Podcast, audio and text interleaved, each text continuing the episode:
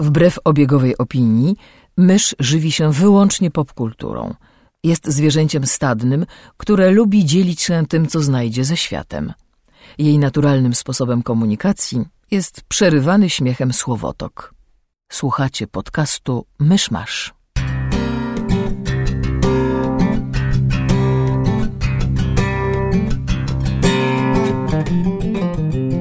Myszmasz. Zwłaszcza jest 25 grudnia 2017 roku. 992 koronacji, rocznica koronacji.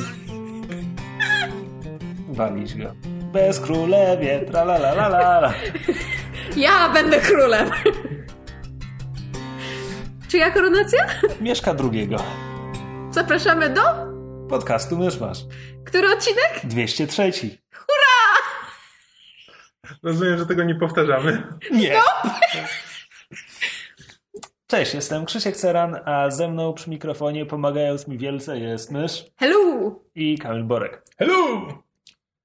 I tym razem nie jesteśmy w studiu, więc wybaczcie, jeśli słychać jakiś pogłos i y, czy inne różne dziwne dźwięki. Jeśli w którymś momencie usłyszycie chiński baryton, e, jeśli ktoś jest w stanie odróżnić chiński baryton od europejskiego barytonu, to... E, Jest rasistą. Okej.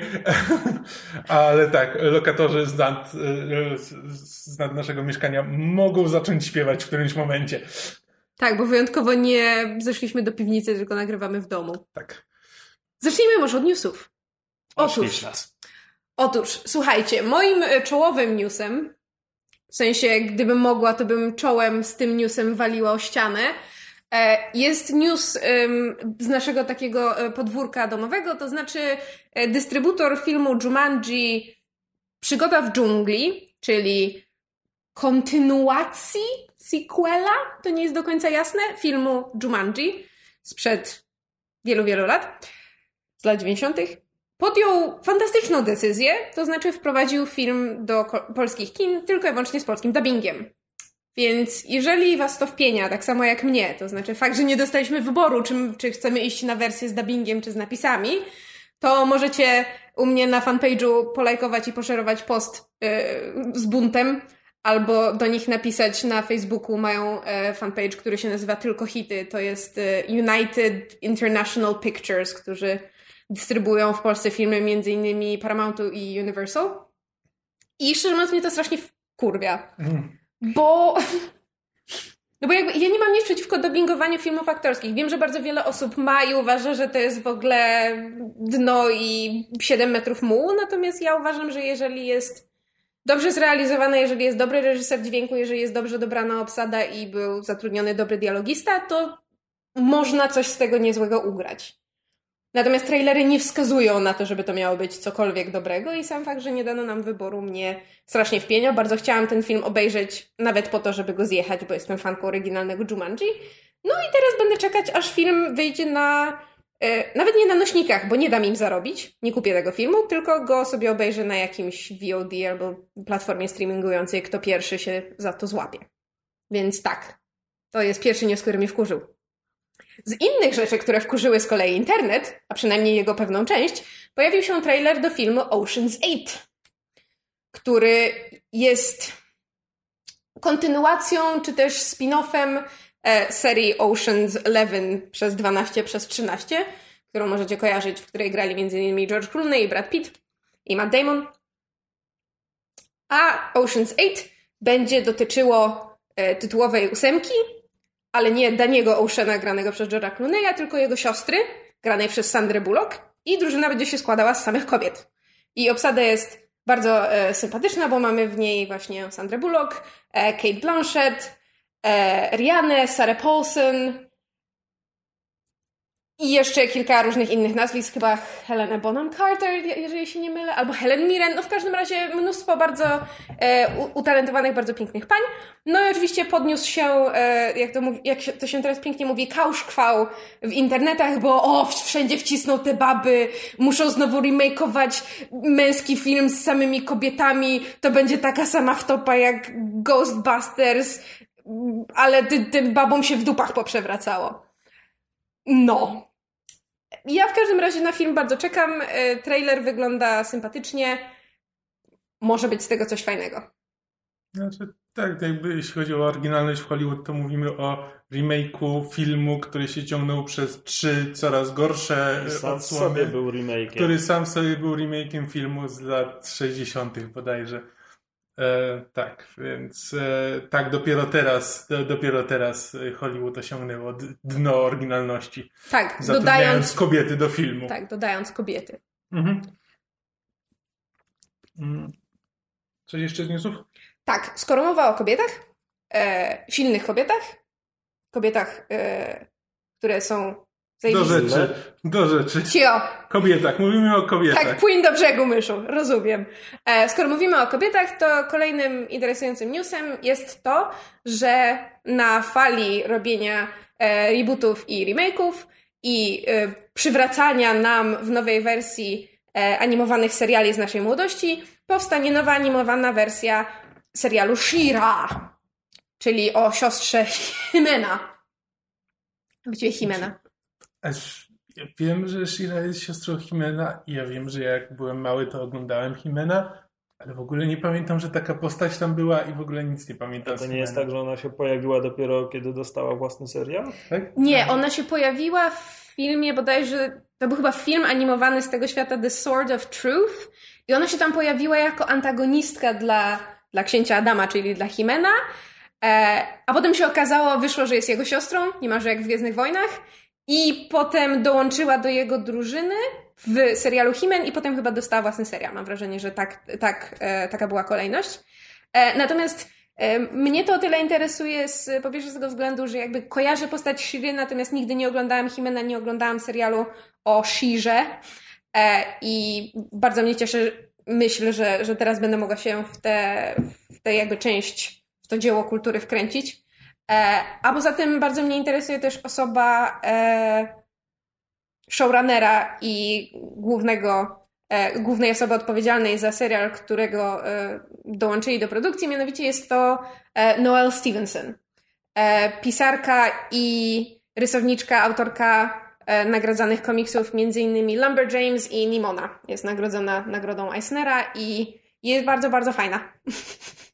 Okej. Tak. Nie, między innymi pracuje przy, jeżeli ktoś nie wierzy w jej, e, że tak powiem, e, credentials, jeśli chodzi o tworzenie animacji, to ona jest między innymi jedna z osób, które e, robią przy nowych DuckTales, więc myślę, że jest nadzieja na coś fajnego. Nadzorować to będzie Netflix, więc jeżeli ktoś miał wątpliwości co do jakości, to Czy Umówmy się, jakby znaczek Netflixa nie Ja jest symbolem wiem. jakości. ja wiem, ale no pieniądze wyłożą, no coś, coś przynajmniej zagwarantują, tak? Coś z tego będzie.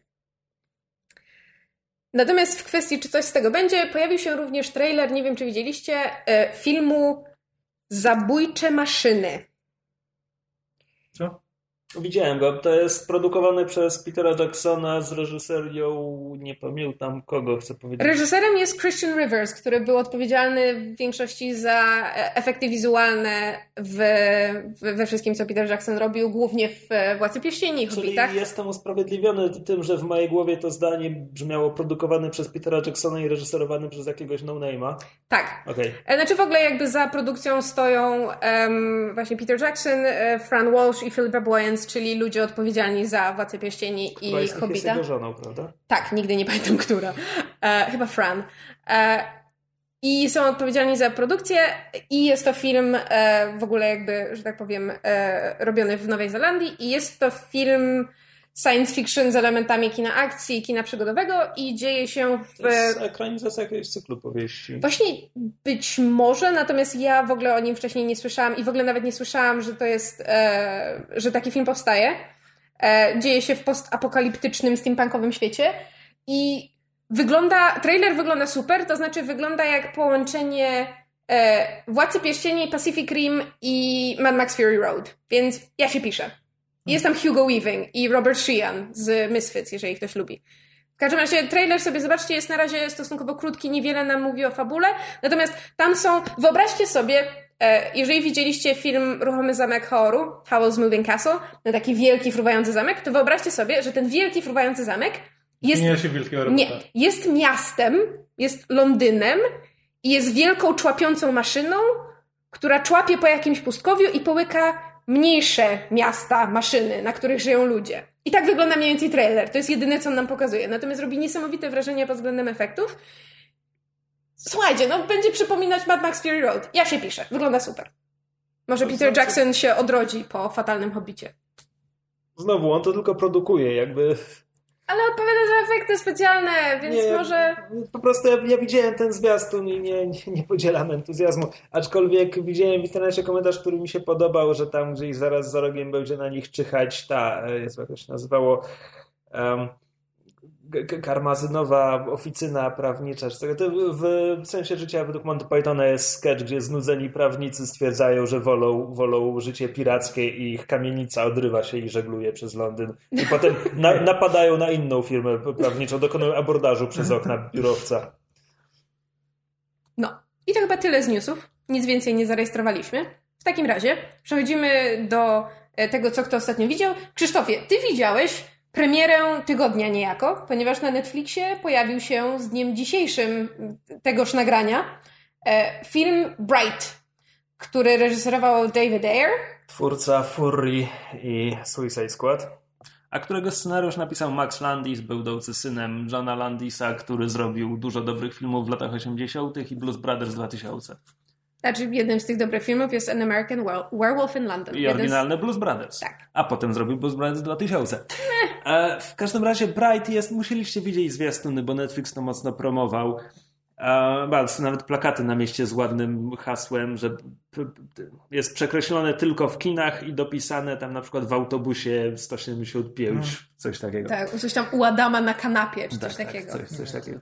E, I jest to Shadowrun tylko bez cyberpunku. To znaczy jest to absolutnie współczesny świat, w którym żyją poza ludźmi również orkowie, elfy. Właściwie tylko oni. Wiesz Znaczy, że co? wróżki tam są... e, Tam Zaraz- w zaraz do tego w wrócę. Po prostu Will Smith zabija wróżkę miotło, więc Tak, chyba nie są mówiąc, pełnoprawną mówiąc rasą. przy tym Today fairy lives don't matter i Tak. ja nie wiem, co ten film próbuje mi powiedzieć w Tak, wielu tak, miejscach. właśnie sam się zastanawiałem. W każdym razie Will Smith gra tam policjanta Daryla Warda, któremu został przydzielony jedyny ork będący policjantem gdziekolwiek w Stanach Zjednoczonych. E, ork nazwiskiem Jacobi. Oni wszyscy mają ludzkie nazwiska, to nie jest tak. Jakby. Orkowie mają jakąś swoją kulturę i w ogóle, ale, ale mają te same imiona i nazwiska co, co ludzie. E, I oczywiście Will Smith e, nie, nie chce być jego partnerem i tam próbuje załatwić jakieś przeniesienie, plus chwilę wcześniej ten Jacobi trochę go zawiódł, przy okazji tam jakiś ork napadał na sklep i postrzelił, postrzelił Warda. Znaczy nic mu się nie stało, bo miał kamizelkę, ale tak, więc, więc Ward ma, ma z, z tym wszystkim problemy. E, Wszyscy na komisariacie nienawidzą tego, tego orka. E, Chcieliby się go stamtąd pozbyć, ale on został zatrudniony w ramach tam jakiegoś e, programu dywersyfikacji i tak dalej. Jak na razie to to jest serial Almost Human, tylko że zamiast cyborga mamy orka. Ta- Tak, wiesz co, był, e, był też serial, który nazywał się bodajże Alien Nation, gdzie był e, partnerem policjanta był kosmita, bo tam w Los Angeles mieszkali kosmici. To jest wszystko, to są dokładnie te same schematy. Okej.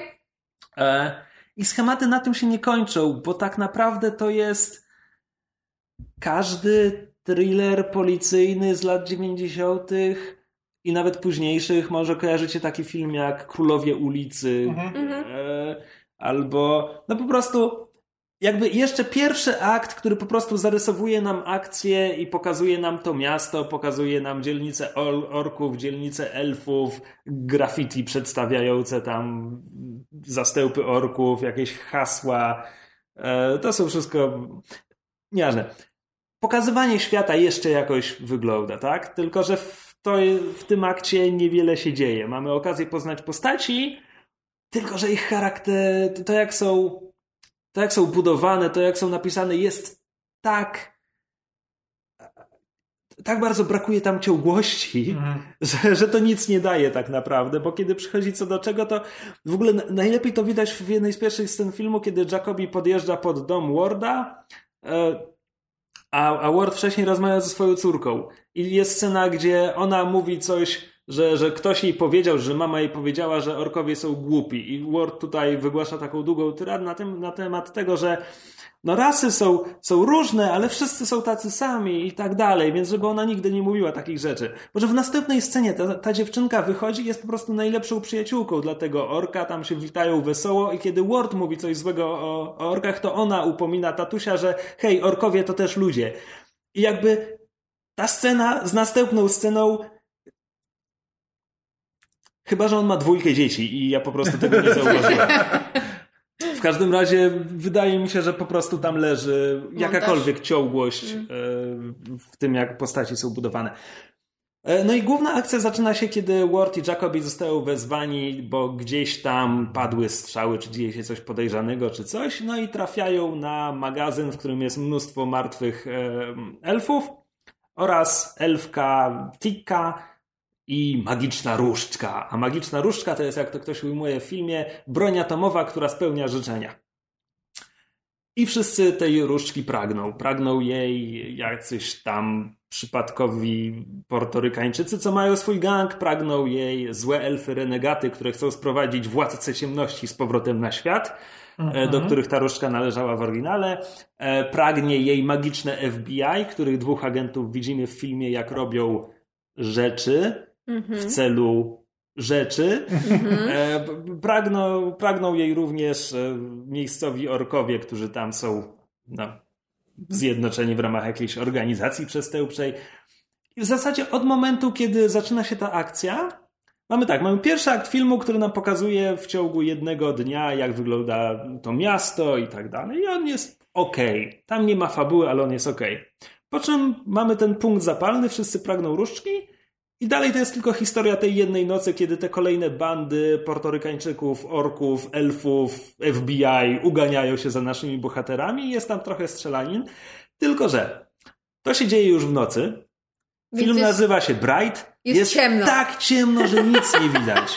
To znaczy tam autentycznie jest scena, która się dzieje w jakimś klubie, gdzie bawią się orkowie i tam nasi bohaterowie próbują się tam ukryć w pewnym momencie. Potem wbijają tam orkowie przestępcy albo portorykańczycy, któryś z nich. I od tego momentu do punktu, w którym bohaterowie uciekli z tego baru, ja nie jestem w stanie wam powiedzieć nic, co tam się wydarzyło. Jest to tak kompletnie nieczytelne, chaotycznie zmontowane i po prostu tak absurdalnie ciemne. Hmm.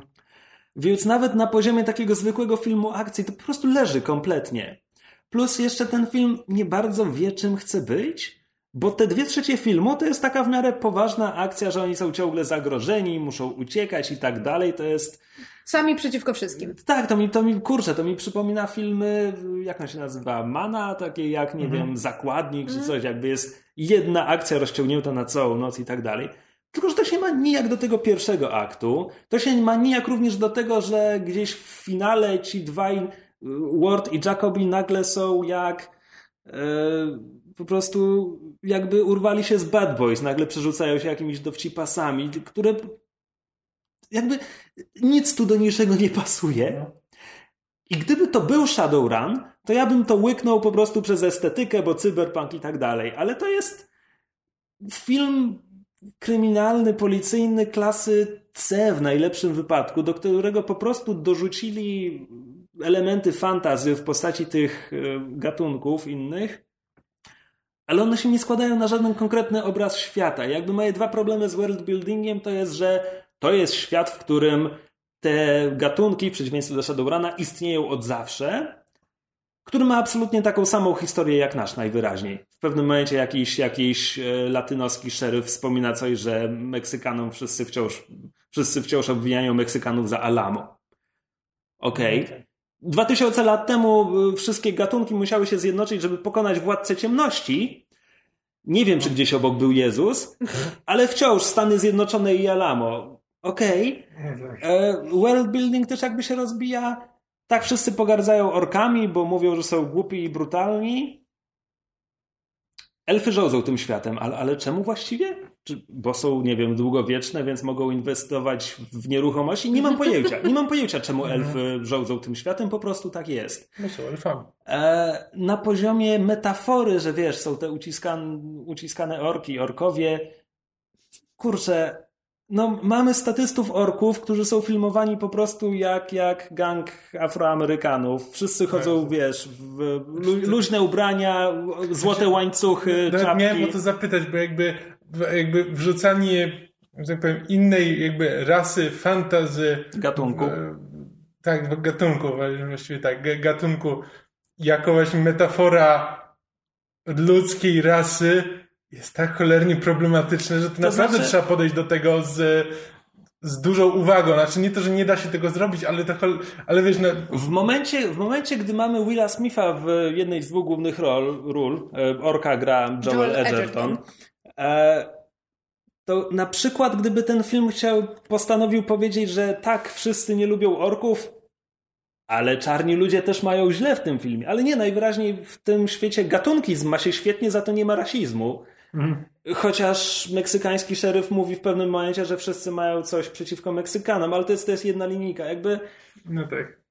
Ogólnie nikt nie Ja nie mam- myślał, po prostu ktoś miał fajny pomysł i Ale to na nie tym jest się fajny, skończył. znaczy, Znaczy, nie jest fajny Okej, pomysł, to jest nie ograny było- pomysł. Prawdopodobnie nie było czegoś takiego w kinie, tak? No ale od 20 lat jestem świadom istnienia Shadowruna. To jest Mhm. dla mnie absolutnie ograny pomysł, tylko że dobra, no nikt Tak, jeszcze nie zrobił pogorszony. filmu. Tylko pogorszony, tak, zdecydowanie. A, więc, znaczy jeśli już i tak macie Netflixa, no to jasne, można sobie to obejrzeć do, do obiadu czy coś. Tam jest parę udanych scen, parę dobrych kwestii, parę fajnych pomysłów. Tylko no, film ma półtorej godziny i jakby parę udanych momentów ro- w półtora godzinnym filmie to jest zdecydowanie za mało, żebym mógł go komukolwiek polecić. No tak, tyle tylko, że nie trzeba wydawać pieniędzy na bilet. Jeśli już ma się Netflixa. Pozostając w temacie rzeczy, które można obejrzeć na Netflixie, jeśli już się Netflixa ma, e, bo ja na takiej zasadzie obejrzałem film e, Don't Think Twice, e, który jest napisany i wyreżyserowany przez komika Mike'a Birbilie, którego ja, prawdę mówiąc, jako komika nie znam. Znaczy wiem, widziałem jakieś jego specjale na w Netflixie, ale nigdy go nie widziałem. Tłumaczyłem jego stand-up, który jest na O, Netflixie. to powiedz mi, to powiedz mi jak Nie podobał mi się. Aha. Okej. E, To ten film nie jest. Znaczy, on, nie jest jakby komedią tak per se. E, Jest tak, to się nazywa dramedy po angielsku, połączeniem dramatu z komedią, e, ponieważ opowiada o grupie e, e, jakby o teatrze improwizacyjnym, o grupie improwizacyjnej. Jeśli ktoś widział Whose Line Is It Anyway, to jakby mniej więcej o tym mówimy. W Stanach, w Stanach to jest bardzo popularny gatunek, e, w, e, gdzie po prostu grupa ludzi wychodzi na scenę, e, publiczność, prosi publiczność o jakieś sugestie, na przykład miejsca albo postaci, którą mają odegrać i biorą to jako podstawę do odegrania sceny, która zazwyczaj ma być śmieszna. Nie musi, jakby są też teatry improwizowane, które starają się robić poważne rzeczy. Tutaj mówimy o takiej typowo, typowo komicznej grupie. No ale kluczowe jest to, że wymyślają wszystko na poczekaniu. Tak. E, I, I w obsadzie jest e, sporo znanych twarzy, właśnie z komedii. e, Przede wszystkim Keegan Michael Peel. e, Keegan Michael Key, przepraszam. Zawsze to robisz, za Za każdym każdym razem. Tak, z duetu Key and Peel. E, z Gillian Jacobs z Community. e, z community e, Kate Mikuchi, taka dzi- dziewczynka z tym e, ukulele. Która teraz gra głos Webby w DuckTales w angielskiej wersji. Tak, y, raczej tutaj ten nazwisk nie będę wymieniał, bo większość już y, reszta nic nie powie, bo to są znane mniej więcej twarze, jeśli ktoś tam ogląda seriale i tak dalej, to coś mu to powie, ale nazwiska na pewno nie.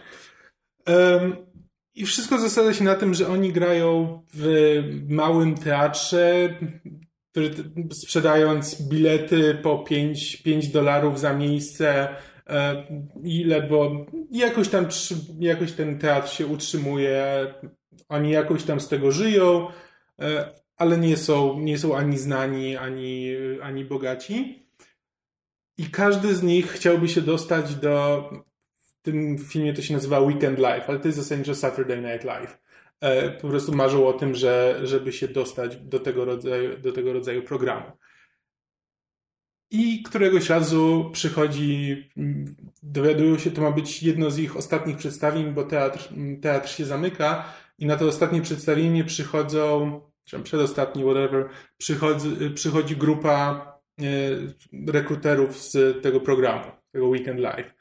E, I, jakby, i tu się zaczyna, i tu się zaczyna mm, taki punkt zapalny, bo po pierwsze, jeden, e, jeden z członków nie dotarł, jakby nikt, nikt nie wie dlaczego on nie dotarł, ale nie pojawił się na tym przedstawieniu. Później się okazuje, że nie pojawił się, bo jego ojciec miał wypadek motocyklowy i odwiedzał go w szpitalu.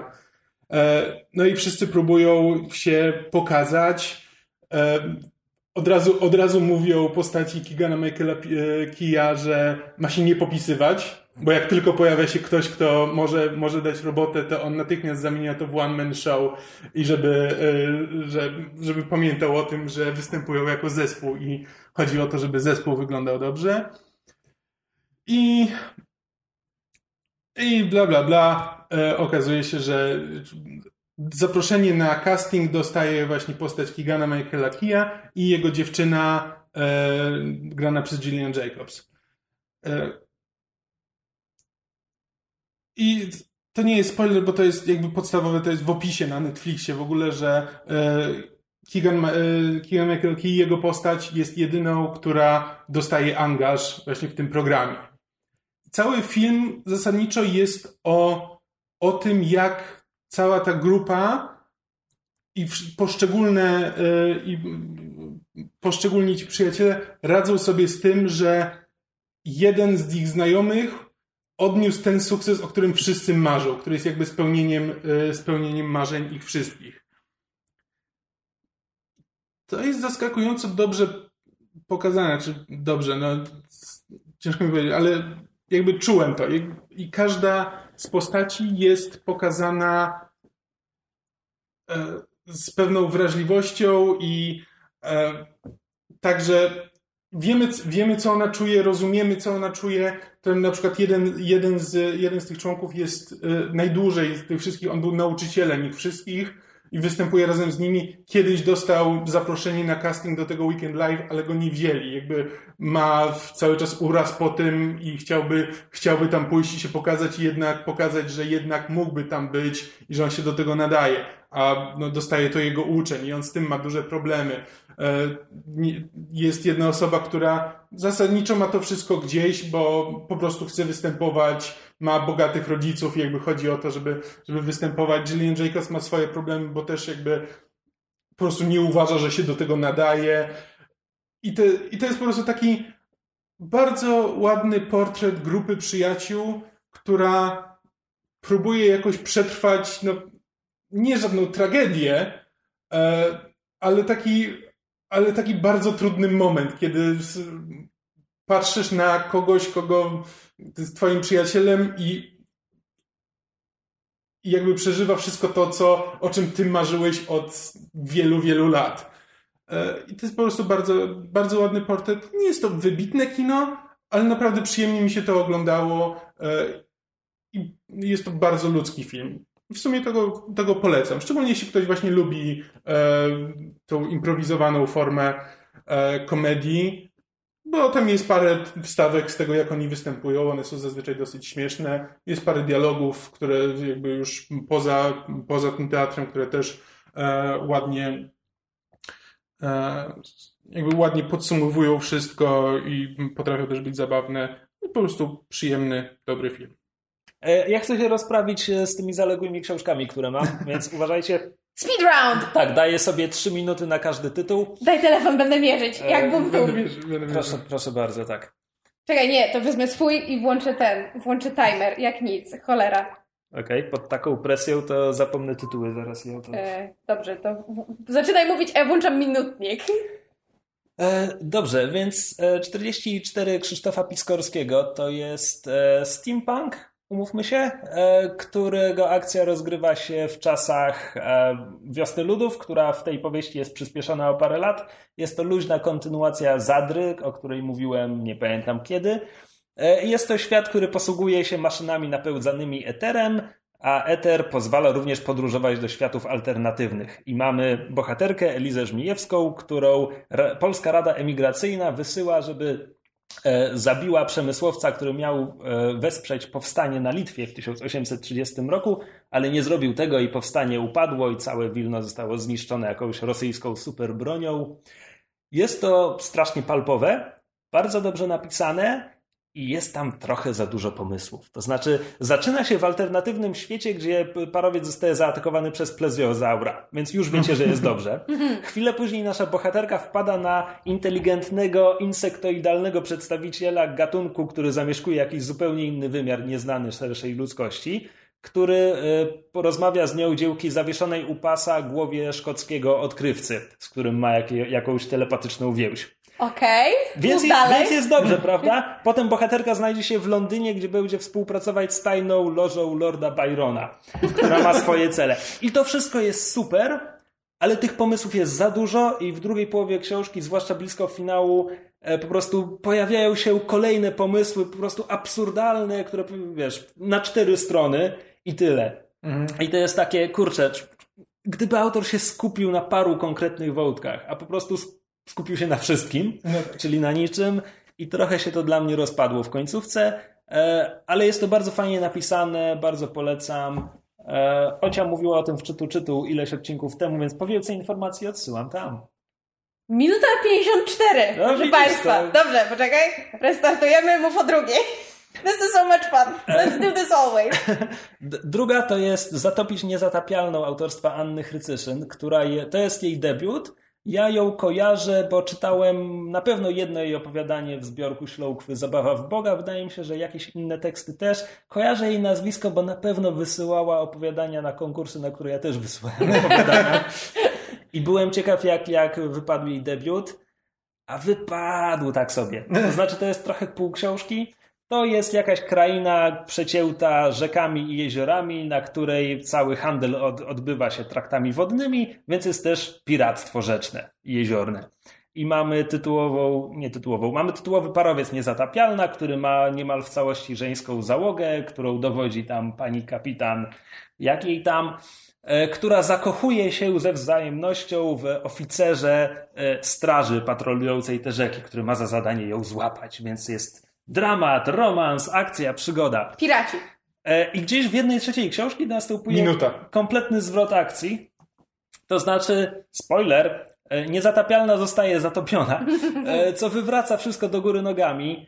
Sprawia, że ci nasi bohaterowie jeszcze bardziej się zbliżają do siebie, a potem wszystko zaczyna się sypać. To znaczy, ten honorowy oficer po prostu wykonuje rzeczy, których absolutnie nie powinien robić, ale robi je, bo kocha. I to jest jakby jedyna motywacja. Potem w drugiej połowie książki jest mowa o jakiejś rewolucji, która jest po prostu tak kompletnie niezarysowana, a do tego jeszcze, wiesz, pani kapitan ma pod swoimi rozkazami, nie wiem, 15 osób, które. Ja no, nie mogę ich nawet nazwać bohaterem zbiorowym. To jest 15 imion Ojej. i tyle. E, więc ostatecznie, gdyby to było dłuższe, 100-150 stron, żeby tam bardziej rozbudować postaci, bardziej rozbudować ten wątek rewolucji, a tak, to jest po prostu taka przygodówka, którą się szybko czyta, bo jest krótka i książka się kończy. Pani kapitan i 15 krasnoludków. Trochę tak. Dwie minuty. Super. Jest dobrze. A czy to nie oznacza, że powinienem mieć te ze trzy minuty więcej na Nie! Sam sobie narzuciłeś takie ramy, trzymaj się tego. Dobra, kolejna. Okej. Okay. China Mieville napisał w zeszłym roku dwie bardzo krótkie powieści. O ostatnich dniach Nowego Paryża już mówiłem w podcaście. Mhm. Napisał również This Census Taker, co nie wiem jak zostanie przetłumaczone, okay. ten kwestor. To jest strasznie dziwna rzecz, to jest strasznie dobra rzecz. Um, jakiś mężczyzna opisuje ze swojej współczesnej perspektywy y, swoją, swoją młodość, swoje chłopięctwo w jakiejś małej wiosce ukrytej gdzieś w górach, a konkretnie to on ze swoimi rodzicami mieszkał w chacie na zboczu. Jego ojciec był swego rodzaju magikiem, to znaczy tworzył klucze, ale to były klucze, które potrafiły robić niezwykłe rzeczy. I ten chłopiec pewnego dnia zobaczył, że jego rodzic morduje drugiego. Albo rodzice mordują kogoś innego, bo zbiegł przerażony do miasteczka na dole, nie był pewien, co właściwie zobaczył. E, I ta powieść opisuje jakby jego stosunki z rodzicami przed tym wydarzeniem, kiedy wydarzyło się coś krwawego i parę dni po tym, e, kiedy w zasadzie nikt mu nie wierzy. Jakby nie będę mówił, co się dzieje, no bo jakby połowa zabawy jest w odkryciu, o co tam właściwie chodzi. O co tam właściwie chodzi. Do końca nie wiadomo, bo to jest bardzo krótka powieść, gdzie bardzo duże, epickie niemalże rzeczy dzieją się, czy wydarzyły się gdzieś poza marginesem. Więc e, na przykład całe życie od, od dzieciństwa tego chłopca do momentu, w którym on jest już dorosłym i sam został kwestorem, jak tytuł wskazuje, nie mam pojęcia, co mu się przydarzyło. E, w finale, jeszcze w czasach jego dzieciństwa, pojawia się właśnie tytułowy kwestor, być może, który mu pomaga. Nie mamy pojęcia, kim on jest, nie mamy pojęcia, jaka jest jego misja. Natomiast w książce są tropy. Niektóre z nich są zaszyfrowane, inne są po prostu bardzo ogólne ale ja na przykład nie miałem wątpliwości, że to jest książka, która rozgrywa się w tym samym świecie, co Blizna, Żelazna Rada i Dworzec Perdido. Autor nie powiedział tego wprost i można by parę rzeczy przeinterpretować na inny sposób, ale najprawdopodobniej mam rację. Polecam, było super. Jak mi idzie? Dwie minuty, osiem sekund. Syf. Świat i ludzie. Znaczy, mówisz coraz bardziej rozwlekle, więc może tę ostatnią książkę to tak pełne trzy minuty, co? Kurczę, nie zasługuję na to. Dobrze. Go now. Ostatnim, co przeczytałem, była powieść pod tytułem e, Carter and Lovecraft, napisana przez niejakiego Jonathana L. Howarda, która, o co chodzi? E, Carter to jest Daniel Carter, jest detektywem, e, prywatnym detektywem, kiedyś był policjantem, ale coś strasznego przydarzyło się jego partnerowi i on już nie mógł kontynuować jej pracy. I on się dowiaduje, że odziedziczył księgarnię w miasteczku Providence w stanie Rhode Island, którą to księgarnię obsługuje Emily Lovecraft, która jest potomkinią Howarda Lovecrafta. A jest również czarnoskóra, jest jeden dowcip natomiast tego, że Lovecraft był rasistą. Wydaje mi się, że książka byłaby lepsza, gdyby było tych dowcipów dużo, dużo, dużo więcej. E, co więcej, e, dowiadujemy się, że e, Carter, Dan Carter jest z kolei potomkiem Randolpha Cartera, bo dowiadujemy się, że Randolph Carter nie był fikcyjny, bo dowiadujemy się oczywiście, że to, co pisał Lovecraft, nie było do końca fikcją. Tam, tam, tam. Tak, i to jest książka, która jest koszmarnie nierówna. To znaczy, początek, początek to naprawdę sugeruje ci powieść grozy, gdzie je, są brutalne rzeczy, są dziwne rzeczy, ale to jest jakby prolog, to są te wydarzenia, kiedy Dan jest jeszcze policjantem, a potem, kiedy jest już prywatnym detektywem, kiedy zostaje wplątany w to, że ktoś, o kim nigdy w życiu nie słyszał, zapisał mu w spadku księgarnię w Providence. Tam jest po prostu dziwnie, to znaczy w Providence pada trup. Jest to bardzo dziwny trup. Ktoś się utopił w samochodzie, na parkingu, na kampusie uniwersyteckim. E, przy czym to jest opisane z perspektywy gościa, który umiera, więc my czytelnicy dokładnie wiemy, co tam się wydarzyło, chociaż nie wiemy, co to spowodowało, tak? Ale wiemy, że magia. A więc zaczyna się, powieść zaczyna się jako powieść grozy, powiedziałbym. Bardzo klimatyczna i to jest taki dość ciężki klimat. A potem jest po prostu taka powieść detektywistyczna, gdzie morderstwo jest bardzo dziwne. Po czym w finale to nie jest spoiler, bo następna część cyklu nazywa się Po końcu świata, więc w finale nasi bohaterowie ratują świat, ale nie do końca. I następny tom rozgrywa się w alternatywnej rzeczywistości. Więc mam wrażenie, że gość miał pomysł na cały cykl i trochę nie wiedział, jak go zacząć. Hmm. Bo szczerze mówiąc, gdyby on zaczął od drugiego tomu, to chyba byłbym dużo bardziej zainteresowany. A w tym momencie przeczytałem książkę, którą czytało się dobrze, chociaż ma pewne problemy. Jest absurdalna scena gwałtu ze znakiem zapytania.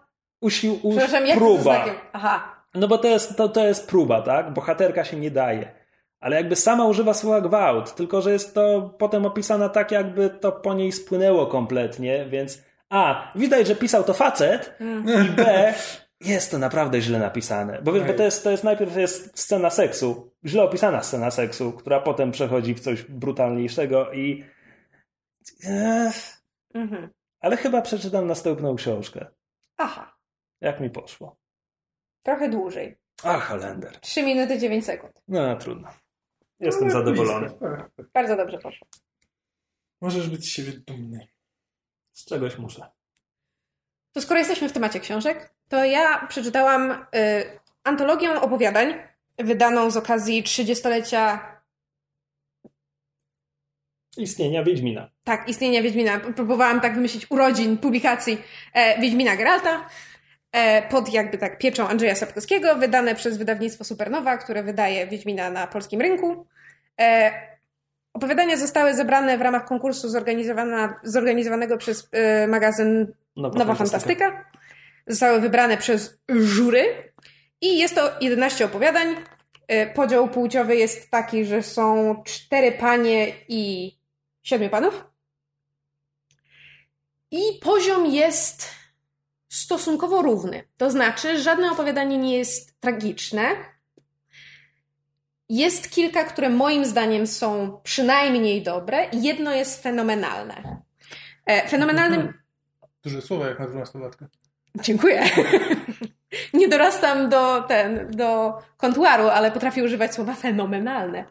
E, tymże opowiadaniem jest Nie będzie śladu Tomasza Zliczewskiego.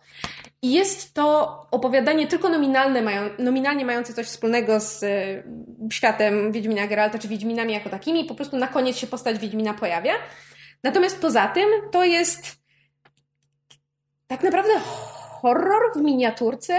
To jest bardzo krótkie opowiadanie, które świetnie operuje jakby krótką formą. E, Jest bardzo oszczędne, to znaczy mam wrażenie, że to jest opowiadanie, w którym każde zdanie jest dokładnie przemyślane i napisane w sposób, który ma wywołać bardzo konkretne reakcje, bardzo konkretne myśli u czytelnika. I jest to opowiadanie, które ma twist i oszukuje. I robi to fantastycznie, do tego stopnia, że kiedy zaczęłam się domyślać twistu, to musiałam się cofnąć, żeby prześledzić wzrokiem tekst, żeby zobaczyć, jak zostałam oszukana. I zostałam oszukana fenomenalnie. Czy opowiadanie jest napisane z perspektywy potwora, na którego poluje Wiedźmin? Nie, Okej. nie. Ale jeżeli o tym mówisz, to jednym z e, lepszych opowiadań e, w zbiorze, właśnie w tej konwencji, jest tytułowe opowiadanie Szpony i Kły, które opowiada nam e, pierwsze opowiadanie z Wiedźminem pod tytułem Wiedźmin, gdzie polował na strzygę z punktu widzenia strzygi. strzygi. Tak, księżniczki Addy. Królewny Addy. E, I jest wbrew pozorom opowiadane bardzo fajnie, dlatego że ona nie jest w żaden sposób, że tak powiem, wygładzona czy uniewinniona. Ona wszystko robi świadomie, a na dodatek jest wpleciony wątek tego, że ona ma jakąś taką mentalną więź ze szczurami w mieście. Z taką szczurzą wielojaźnią, która jej pomaga szpiegować po mieście i orientować się, co się dzieje. Pomysł jest troszeczkę wydumany, ale bardzo fajnie zrealizowany. E, Innym bardzo fajnym opowiadaniem e, są, e, jest opowiadanie Krew na śniegu, apokryf koral, dotyczące postaci koral, czyli Lettyneid, jednej z czarodziejek, które w sadze są tylko e, wspomniane na moment, pojawiła się też niestety w sezonie burz. E, natomiast tutaj ma bardzo ładne opowiadanie, które em, opowiada o jej poznaniu się z Geraltem i ma o tyle dużo wspólnego z Sapkowskim, że jest moim zdaniem próbą retellingu Królowej Śniegu, takim bardzo skróconym, natomiast dobrze operującym znanymi motywami, em, dobrze operującym takim klimatem niepokoju, trochę takim onirycznym. E, innym opowiadaniem, które bardzo mi się spodobało, głównie dlatego, że dotyczy postaci Wiedźmina Coena, który w sadze został em, po macoszemu potraktowany i zawsze mi jest go szkoda, e, to jest opowiadanie Skala powinności Katarzyny Gielicz. E, też bardzo dobre. I chyba moje ulubione pod względem tego, o czym mówi, niekoniecznie to, jak to robi, e, jest opowiadanie, e, żebym nie skłamała teraz, Lekcje samotności Przemysława Gula, która opowiada o bitwie pod Soddem, która w Sadze jest, e, że tak powiem, tylko wspomniana, jest jakby ważnym wydarzeniem z historii świata. Wielu naszych bohaterów brało w niej udział i gdzieś tam w tle się rozgrywała, natomiast nigdy jej tak naprawdę nie widzimy na własne oczy. Tutaj jest pokazana fragmentarycznie i z bardzo konkretnego punktu widzenia, który nie ma nic wspólnego z sagą, bo jest z punktu widzenia postaci jakby stworzonej przez autora. Natomiast bardzo mi się spodobało to, że taki motyw został e, z sagi, że tak powiem, wyjęty specjalnie, prawda, ten taki e, motyw bitwy pod Sodem, którego wcześniej nie znaliśmy.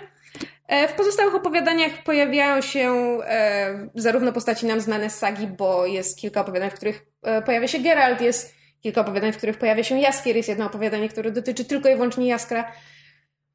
E, tam się pojawia, że tak powiem, pobieżnie. I wszystkie stoją na stosunkowo przyzwoitym poziomie, żadne, żadne się nie opuszcza. Natomiast to, co mnie bardzo em, w pewnym sensie rozeźliło, czy zasmuciło, jest to, że opowiadanie, które ostatecznie wygrało ten konkurs Nowej Fantastyki i zostało przez em, Marcina Zwierzchowskiego aha, czyli to nie były szpony i kły? Właśnie nie. E, I zostało przez Marcina Zwierzchowskiego, który jest e, redaktorem Nowej Fantastyki i napisał przedmowę do tego zbioru opowiadań. E, zostało określone jako jakby e, najbliższe Sapkowskiemu, to znaczy, że gdybyśmy nie, wiedzieli, nie wiedzieli, że to nie był Sapkowski, to byśmy pomyśleli, że to Sapkowski. No więc nie. Bo ja wiem, że, że nawet już Sapkowski nie jest Sapkowskim i nie potrafi pisać nie wiem, jak ja on. po sezonie Bush wiele rzeczy mógłbym pomylić z Sapkowskim. No właśnie. E, natomiast ja rozumiem, co, co jakby, dlaczego jury tak uznało, bo opowiadanie Piotra Jedlińskiego Kres Cudów, które wygrało ten konkurs, rzeczywiście pod bardzo wieloma względami próbuje naśladować Sapkowskiego, ale przesadza. To znaczy, to co ja zawsze ceniłam w Sapkowskim, to jest to, że on potrafił e, stosunkowo umiejętnie wplatać w dość współczesny język, jakim pisał i jakim mówiły jego postacie, potrafił płynnie wpisać różnego rodzaju archaizmy, jakieś takie zwroty nawiązujące do na przykład staropolskiego, już pomijam wtrącenia, nie wiem, z łaciny czy innych obcych języków. Konjuruj demony, czarowniku. Tak. E, natomiast e, pan e, Jedliński niestety pod tym względem przeszarżował i tak jak u Sapkowskiego to na przykład było co, w co dziesiątym zdaniu był, było jakieś, wiesz, gdyż, czy azalisz, czy coś takiego, tutaj każde zdanie jest naćkane tego typu, e, że tak powiem, e, starodawnymi naleciałościami, do tego stopnia, że to już po prostu jest parodia. Ja nie jestem w stanie tego opowiadania traktować poważnie. Już pomijam, że fabularnie i pod względem e, od- oddawania charakterów postaci też mam wrażenie, że autor przeszarżował. Poza tym e, próbował być bardzo uroczy, bo w e, tekście opowiadania pojawiają się dosłowne nawiązania do tytułów opowiadań. Czyli na przykład ktoś tam mówi, że to jest moje ostatnie życzenie, albo e, czy nie stać cię na trochę poświęcenia. Znaczy po prostu jest to tak mało subtelne, że ja już po prostu stwierdziłam, aha, dobra, to ja już rozumiem, co autor miał na myśli. Sapkowski też wplatał tytuły opowiadań w opowiadania, ale Tak, ale jakby... tylko tytuł opowiadania, który właśnie pisał, No a nie właśnie. każdego innego. A tutaj jest każdy inny i one są po prostu. Niektóre są widać, że po prostu autor stworzył scenkę tylko po to, żeby wrzucić to odniesienie. Co prawda dotarłem do swojej granicy możliwości, jednakże jestem pewien, że trochę poświęcenia... Tak, dokładnie na takiej zasadzie. W każdym razie. E, Zbiór opowiadań czyta się bardzo sympatycznie. To są teksty, które jeszcze kilka lat temu bym e, była w stanie przeczytać na oficjalnej stronie Andrzeja Sapkowskiego, bo e, na oficjalnej stronie Andrzeja Sapkowskiego można było czytać fanfiki jeszcze u początków internetu, kiedy wszyscy mieli internet na modem. I bardzo miło jest zobaczyć tego typu dobrej jakości teksty, dobrze e, wydane i zredagowane w formie książkowej zobaczyć. Natomiast nie wiem, czy książka warta jest wydanych na nią pieniędzy, bo kosztowała jakieś 50, jeżeli nie 60 złotych a jest wydana fatalnie. To znaczy, dawno nie miałam w rękach książki, która z taką łatwością by się pogięła. E, obie, obie okładki, zarówno przednią, jak i tylną, mam złamane. E, brzegi książki, z brzegów książki już zaczęła odpadać, że tak powiem, ko- kolorowa obwoluta. Farba złazi ze ścian. Tak, i, i jest mi strasznie przykro z tego powodu. Natomiast same teksty polecam. I myślę, że to są nazwiska, e, które warto mieć na oku, bo autorzy, że tak powiem, mają, mają co zaoferować. I kilka z nazwisk będę śledziła bardzo uważnie, bo jestem ciekawa, co pokażą, w, że tak powiem, we własnym świecie. Bo w Wiedźminie się sprawdzili. O. Czas, żebyśmy wrócili do naszego cyklu o Ryanie Johnsonie po braciach Bloom, przepraszam, wspaniałych, niesamowitych? Jacy? Niesamowitych. Właśnie. E, I ostatnim Jedi. A Ty, ty, przepraszam, ale ty, jak teraz o tym wspomniałeś, to jest jakiś taki jeden z tych trendów wśród polskich dystrybutorów, że jak jest nazwisko, to trzeba do niego dodać przymiotnik, bo samo nazwisko na, na, na plakacie to, to tak nie może być. No, nieważne. Yy, Przepraszam, przerwałem ci. Nie, nie, nie. Ja nie miałem nic do powiedzenia. Ale skoro czepiasz się tłumaczenia, to dzisiaj mówimy o filmie Brick, którego polski tytuł brzmi Kto ją zabił? Mhm, okej. Cegłą mogli dodać chociaż. Kto ją zabił cegłą? Zwłaszcza, że jest to cegła metaforyczna. Mogło nazywać się jeszcze Tajemnica zabójstwa. E, Tak, i Brick jest filmem... Ryana- Tajemnica zabójstwa cegłą. Brick jest filmem, który Johnson... Tajemnica cegły. Przepraszam. E, Filmem tak. Ryana Johnsona, tak? Chciałem powiedzieć, w którym roku go nakręcił, ale już wypadło mi W to z głowy. 2005. W 2005 i jak zwykle Ryan Johnson kręci tylko filmy, które sam napisze, e, więc to jest jego scenariusz, Ze jego reżyseria. operatorem Dokładnie. Jedlinem. A tu jeszcze muzykę robił e, ten sam co w Braciach Bloom. Nathan Johnson, jego Właśnie. kuzyn. I czy to jest jego pierwszy film? Nie, wcześniej Dobra, robił a- film, już wam mówię, bo tytuł ma absolutnie wybitny. E, Tytuł jego pierwszego filmu brzmi Evil Demon Golf Ball from Hell. Trzy wykrzykniki. Okej, ale to jest short. Tak, short z 96. Natomiast jest to jego pierwszy pełnometrażowy film, e, w którym był także montażystą, jak się okazuje. No tak, no, to taki film, gdzie... Zresztą potem, Reżyser robi wszystko. potem jak patrzyliśmy w triwiach, to to było montowane na domowym komputerze, więc to jakby to, to nie jest tak bardzo profesjonalnie wykonany film. Tak, i Brick jest opisywany jako Neo-noir umieszczone w liceum. w Kalifornii. Tak. Co ten opis jest już dla mnie sporą zmyłką, bo to liceum, tak, wszyscy bohaterowie są w wieku licealnym i nominalnie do tego liceum chodzą, Ani, to- ani razu nie są na lekcji, tak. no a poza tym wszystko rozgrywa się w takim alternatywnym świecie, gdzie ci wszyscy nastolatkowie mają bardzo zajęte życie wszystkim, tylko nie szkołą. Ta szkoła tutaj nie istnieje poza tym wicedyrektorem, który służy tu za komisarza policji w tej historii. I poza tym wszyscy mówią językiem, jakim by żaden nastolatek nie mówił. Oni mówią językiem, którym nikt nigdy nie mówi. Znaczy Tak, nie, no to to jest- język z jakby tak zwanych hard Kryminał. boiled detective novels, tak, z Tak. twardych kryminałów. Ale podkręcony do absurdu. Ale mi się To to... znaczy, to jest to samo, co mówiłaś o styl, prze, przestylizowaniu na sapka. To jest, to jest Tak, przestylizowane na ale, hardboy. ale mi się to strasznie podobało. Jest teoria, jakby to widzieliśmy w trivia, jakby to jest coś zresztą, co mi się pojawiło samo, jakby oglądając film, jakby, że to po prostu tak sobie to główny bohater, tak sobie to wyobraża, że po prostu obserwujemy to jakby z jego perspektywy i to nie jest prawda, to jest po prostu jakaś taka em, abstrakcja em, No dobra, ale jak w to wchodzimy, to zaraz zaczniemy kwestionować, czy cokolwiek się wydarzyło naprawdę. no to- Ale to fikcja, czy cokolwiek możemy mówić, że się wydarzyło Dobrze. naprawdę. To fikcja przecież. Ale o co chodzi w filmie, może powiedzmy? E, w filmie chodzi o to, że Joseph Gordon-Levitt gra Brendana, nazwisko na F, ale Fry, nie pamiętam. chyba. Właśnie. Brendana Frya, który... Film zaczyna się od sceny, w której on znajduje ciało dziewczyny. Tak. Konkretnie swojej byłej dziewczyny, czego dowiemy się wkrótce później. Którą gra Emily de Ravin, de Ravin Znana potem z Lostów. z Lost of You Once Upon a Time, a tutaj grająca również dziewczynę imieniem Emily. E, tak? Po czym akcja cofa się dwa dni wcześniej, kiedy Emily dzwoni do Brendana i bardzo spłoszona mówi mu, że wpadłam w ogromne kłopoty, pomóż mi, albo nie, nie pomagaj mi, zapomnij o wszystkim, nigdy do ciebie nie zadzwoniłam. Więc jest tajemniczo. Przy okazji rzuca kilka różnych ksywek ludzi, którzy są z nią wmieszani w całą sytuację i wspomina o jakiejś właśnie brick, o jakiejś tak, że, cegle. że zrobi, zrobiłam to z cegłą, to coś z cegłą, przepraszam. No, ona mówi, I did the thing with the brick, czy coś takiego. E, I tak już Kamil tutaj stwarza alternatywną wersję tego filmu. To ty sobie to powiadasz coś, co ja, czego ja nie powiedziałem. Ale tak, jakiś, pojawia się tam jakiś tag i różne hasła, które później Tak, no posłużą i do... potem, po, ponieważ, ponieważ Brendan rusza tym tropem, więc film potem dzieli się naturalnie na retrospekcję do momentu, gdy znajdzie jej ciało i potem już kontynuujemy aż do finału. I a, uf, no film, no.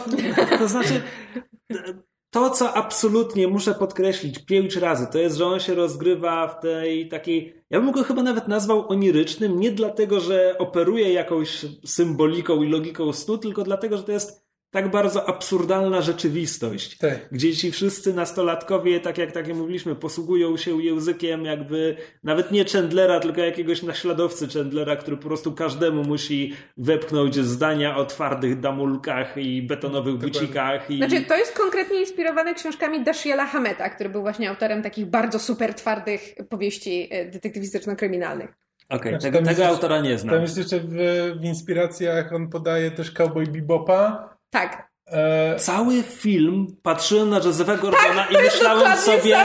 To znaczy, ja myślałem raczej w, w, w kategorii, że gdyby Joseph Gordon znał sztuki walki, to wtedy mógłby dla mnie zagrać Spike'a Szpigla, ale ta, ta, ta burza włosów, te brełce w kieszeniach kurtki... tak. Okej, okej, dobra. Znaczy, film nie nabiera przez to dla mnie sensu, ale... A, i e, nasze skojarzenie z muzyką westernową również było słuszne, bo również film jest inspirowany westernami. Więc patrz, zgadliśmy, co autor miał na myśli. konkretnie spaghetti westernami. Tak. Tak, tylko wyłapywanie nawiązań i tak dalej. Znaczy, znowu, mój problem z tym filmem podstawowy polega na tym, że zostajemy wrzuceni w środek akcji i potem niby się czegoś dowiadujemy o Brendanie, ale za mało, w sensie mi nigdy nie, za, nie zaczęło na nim zależeć. Ani Ale na czy- kimkolwiek. Znaczy, bo ja ogólnie nie czytam tego typu powieści, w sensie właśnie takich twardych kryminałów. Mam bardzo duże braki w kwestii filmów opartych na tym samym pomyśle.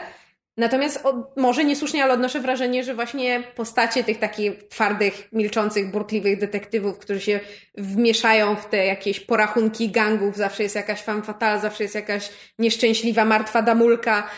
To, że oni właśnie są tacy, że właściwie nic o nich nie wiemy, niewiele nam na nich zależy i właściwie nawet nie bardzo wiem, dlaczego oglądamy czy czytamy takie dzieła. Nie wiem, dla intrygi, dla tego właśnie, kto To zabił. znaczy, wiesz co, y, ja czytałem praktycznie tylko Chandlera, jeśli chodzi Mhm. o taki gatunek. Chandlera nie czytasz dla intrygi, bo on sam się w niej kupił. To mówiłeś kiedyś w podcaście. Chandlera czytasz dla bohatera, dla, dla Filipa Marlowa, Mhm. e, który jest tym jakby ostatnim sprawiedliwym w złym świecie. Jakby tam podobieństwo między Brickiem a kryminałami Chandlera polega na tym, że Philip Marlowe nie ma pojęcia, co się dookoła dzieje, ale będzie cho- chodził po mieście i zachodził ludziom za skórę i obrywał w mordę tak długo, aż komuś coś się wymsknie. Tutaj, ale tu jest bardzo podobnie. Znaczy on No to nawet... właśnie dlatego powiedziałem podobieństwo powieści Chandlera do tego filmu. A, to zrozumiałem to na opak. Nie. Dobra. E, Ale tak, Brendan robi dokładnie to samo, to znaczy on, on nawet jakby... mówi w pewnym momencie, że po prostu, że zwróciłem uwagę tego, te, tego faceta, który za tym wszystkim stoi i zobaczmy, co nam spadnie na głowy. To jest jego cały sposób, że po prostu wie, kto jest w to zamieszany, więc jeśli mu zajdzie za skórę, to w którymś momencie się przekona na własnej skórze, o co chodziło. I nawet też w którymś momencie mówi, że mam zamiar wpaść w te same kłopoty, w które wpadła Emily. Po to, żeby właśnie prześledzić jej drogę i zobaczyć, co się mogło z nią stać.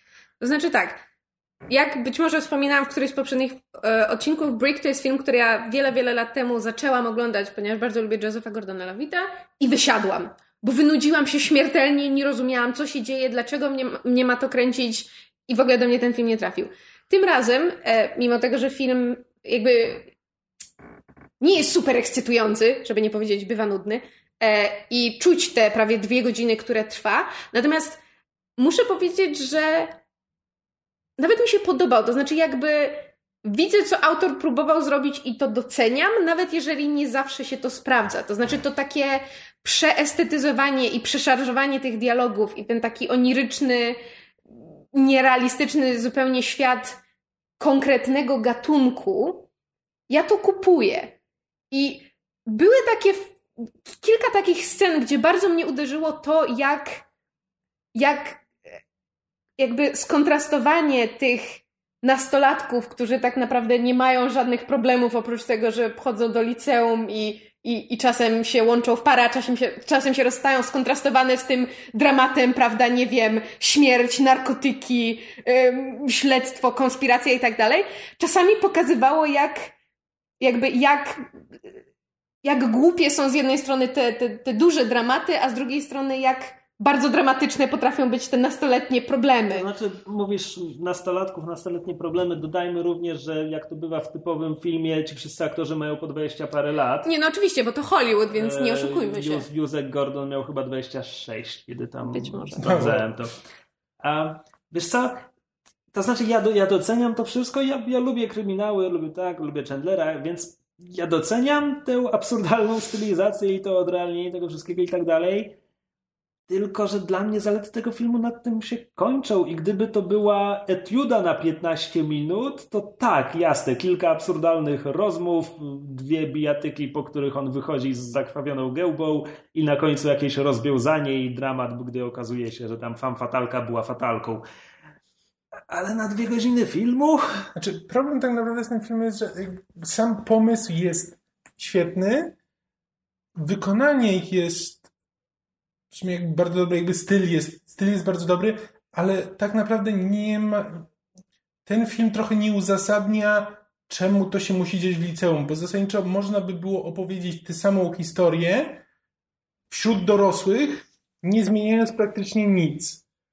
E, więc nie jestem w stanie jakby powiedzieć, Znaczy- co właściwie nam dodaje to, że to jest w liceum, poza właśnie taką warstwą absurdu i e, właśnie oniryczności, jak to nazwałeś, która sprawia, że nie wiesz, czy masz to traktować na serio, czy to się wszystko dzieje naprawdę, czy to jest jakieś wyobrażenie i tak nie bardzo wiesz, jak do tego podejść.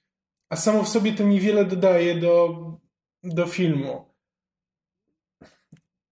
Nie wiem, jak to traktować. Wiesz, wiesz co, niektóre postaci, sam, sam Brendan na przykład i Emily, yy, gdyby, to miało, gdyby to mieli, pff, jeszcze raz, gdyby mieli być dorosłymi i wygłaszać te same kwestie, to ja ich kupuję bardziej jako nastolatków.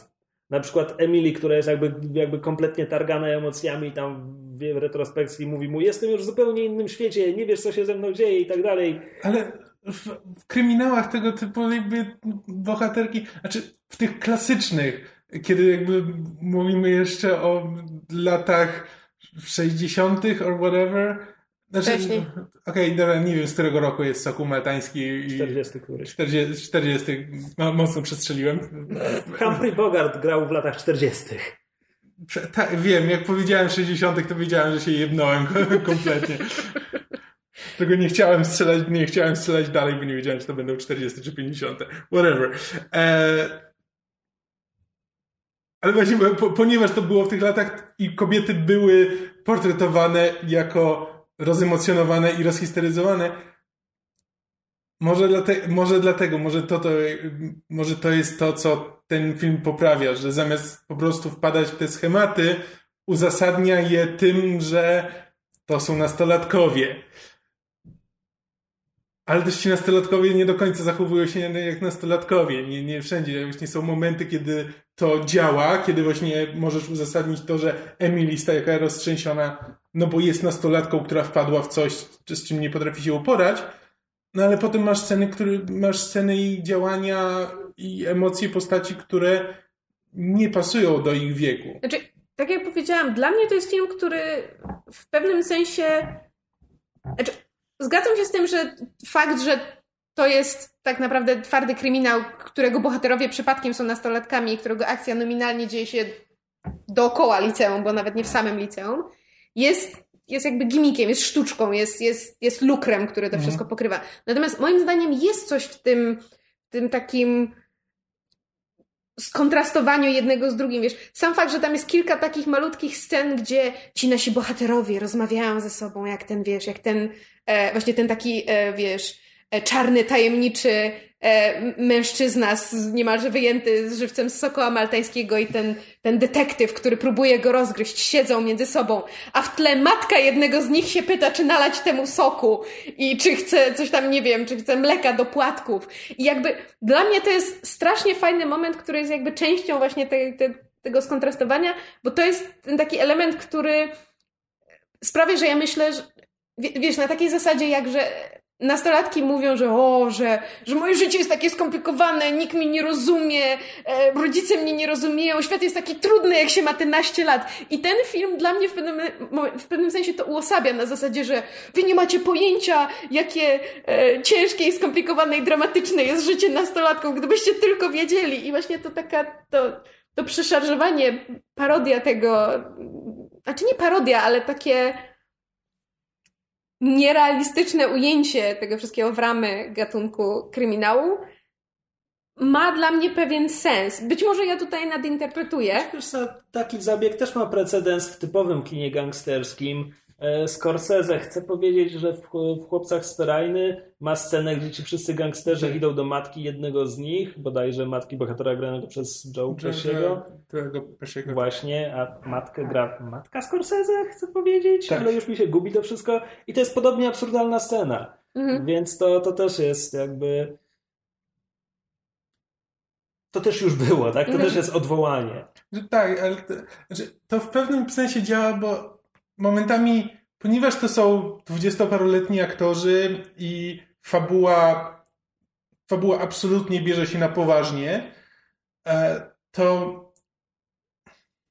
nie powiem, że łatwo jest zapomnieć, ale są momenty, kiedy trochę jakby zapominasz, po prostu zapominasz, że to jest o nastolatkach, jakby wkręcasz się w ten klimat, ten mroczny klimat i mroczną intrygę, po czym film wplata, wplata scenę, która ci dobitnie przypomina, że to są tylko dzieciaki. I były takie sceny, w których po prostu zaczynaliśmy się śmiać, mimo że nie ma tam żartów, jakby w tym filmie nie ma takich typowych żartów, które, e, czy scen, które są same w sobie komiczne, tylko właśnie to, to skontrastowanie powody sprawiało, że nagle zaczynaliśmy chichotać. E, jedna rzecz, która też i, I mi się podobała i miałam z nią problem. To znaczy, mówiliśmy o tych e, bardzo stylizowanych dialogach, które jakby nikt tak nie mówi, tak mówią postacie z, z twardych kryminałów.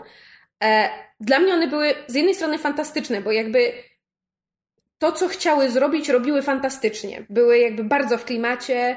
E, mam wrażenie, że też aktorzy je dobrze grali. Były takie momenty, kiedy jakby dialogi były zupełnie z, niczym niezwiązane, odstające od, od, od jakby współczesnych realiów. A aktorzy, aktorzy je bardzo dobrze oddawali i to właśnie stwarzało, dialogi bardziej niż cokolwiek innego dla mnie stwarzało ten klimat tego twardego kryminału, pomijając samą koncepcję intrygi tego, kto zabił. Natomiast z tym jest też związany mój największy problem, to znaczy ja się pogubiłam. Dlatego, że ta stylizacja dialogów i te jakieś takie dziwne związki frazologiczne, jakieś takie metafory, jakieś takie słowne odniesienia, których ja w ogóle nie wyłapywałam, nie wiedziałam do czego się odnoszą, sprawiały, że ja się pogubiłam w intrydze. W związku z tym ostatecznie mi nie obchodzi, kto zabił, bo film próbował mi to na koniec wytłumaczyć. Wręcz przecież film się kończy tym, że ta główna femme fatale przychodzi do tego naszego bohatera, do Brendana i, i on jej mówi, jak to było, ona mówi, nie, to nie tak. On się pyta, czy mam ci wytłumaczyć, jak naprawdę było, a ja wtedy wrzasnęłam, tak, błagam, wytłumacz mi, bo ja nic nie rozumiem. I on wytłumaczył jej, używając znowu takiego słowotoku, tych bardzo skomplikowanych, pełnych porównań i różnych dziwnych słów dialogów i ja zrobiłam to ja już nic nie rozumiem. Myśmy do, doczytali w triviach, że e, Ryan Johnson to na początku napisał jako nowelę e, i potem zrobił z tego scenariusz i zarówno nowelę, jak i scenariusz podobno można ściągnąć z jego strony i jest, jest dostępna za darmo. I właśnie jako nowela to ten język działa super, bo kiedy masz czas go przyswoić i patrzysz na niego na stronę, jest prawdopodobnie łatwiej, łatwiej się w tym połapać, kiedy to są i te znaczy te dialogi są w takim, w takim typowo typowym dla kryminałów sposób, że bohaterowie mówią jedno, jedno za drugim. Tam nie ma pauz. To jest po prostu ping-pong taki, że w momencie, kiedy jedna osoba kończy, już następna zaczyna, już następna zaczyna mówić. Te dialogi są takie bardzo dynamiczne. E, jakby, znaczy, nie wiem, czy... Dokąd zmierzasz?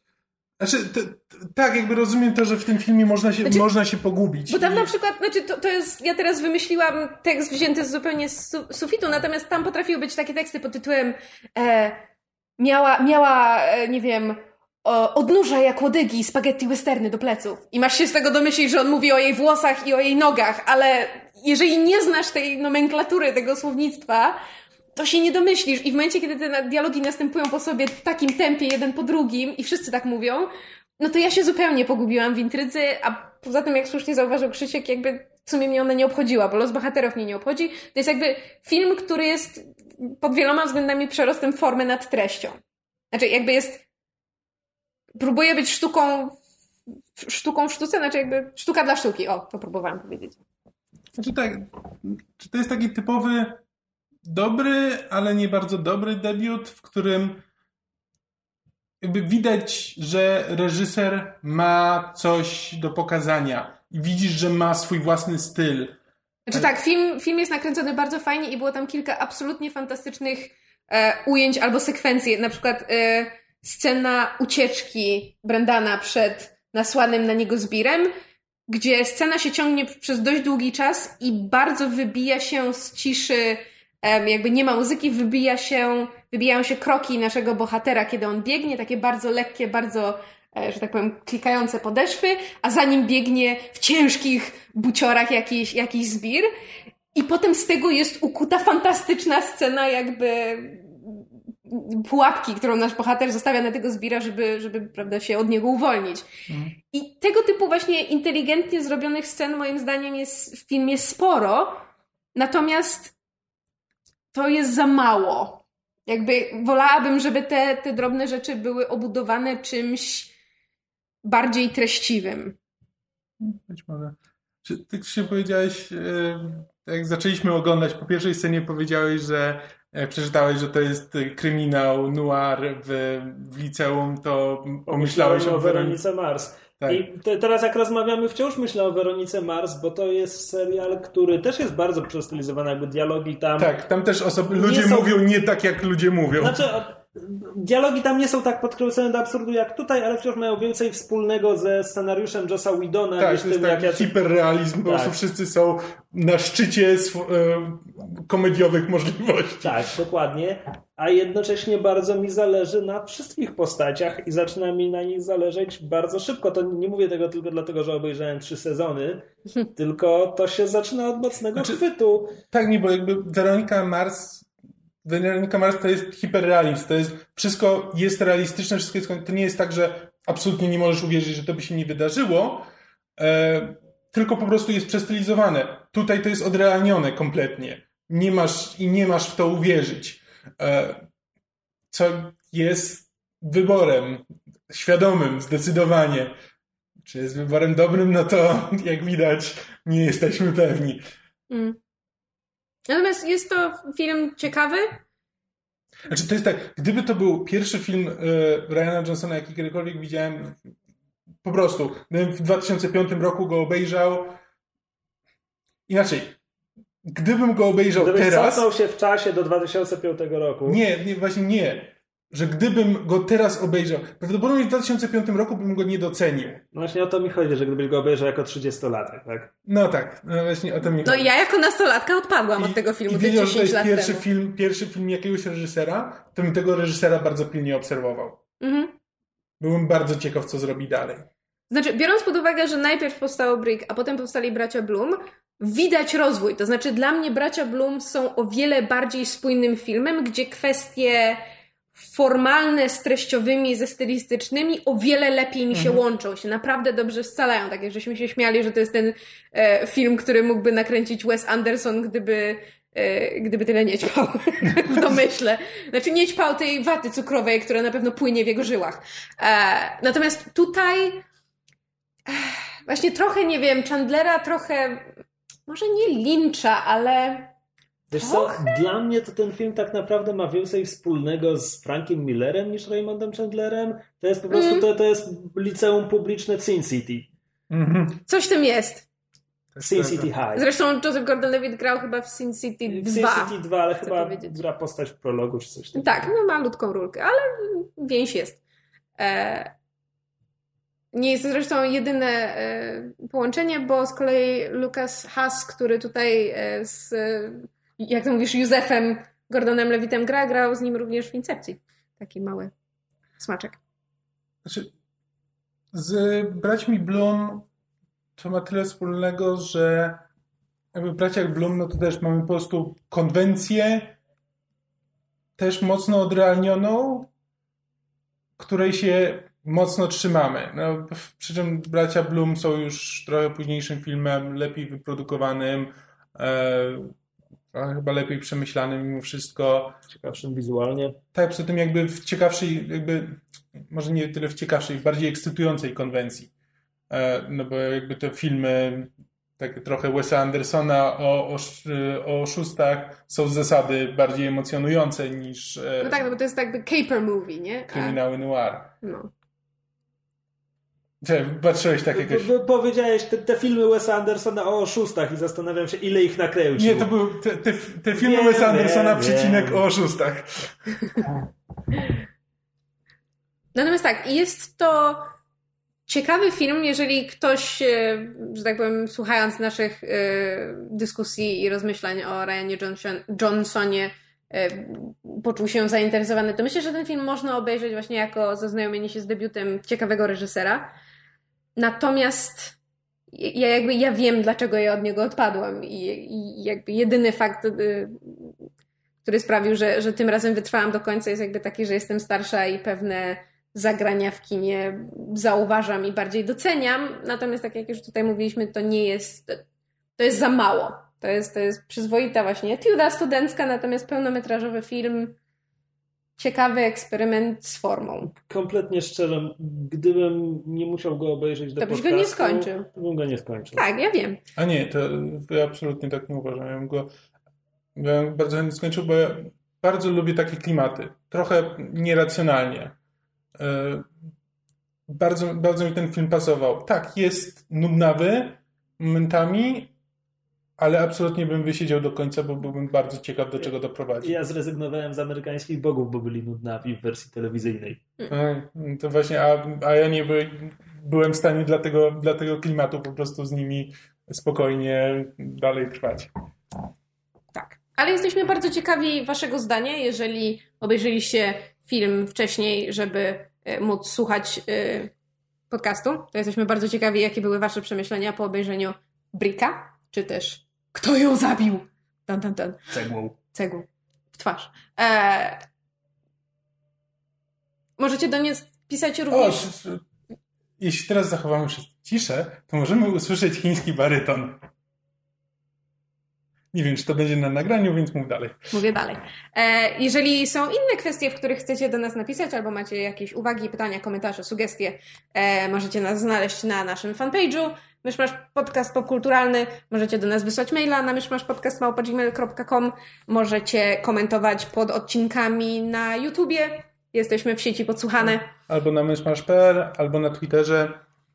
E, W przyszłym tygodniu Nie e, ma nie ma myszmasza. myszmasza. Myszmasz wraca za dwa tygodnie z odcinkiem poświęconym Looperowi. I to będzie ostatni odcinek e, poświęcony Ryanowi Johnsonowi. A potem przejdziemy do Józefa Gordona Lewita. Znaczy Dokładnie. chyba dzisiaj zaczęliśmy. Nie, zaczęliśmy już wcześniej. On jest w każdym filmie y, Ryana Johnsona, bo on jest jego Lucky Charmem. tak, w ostatnim Jedi też jest. Wiem, wiem, dubbinguję kosmitę narzekającego na złe parkowanie.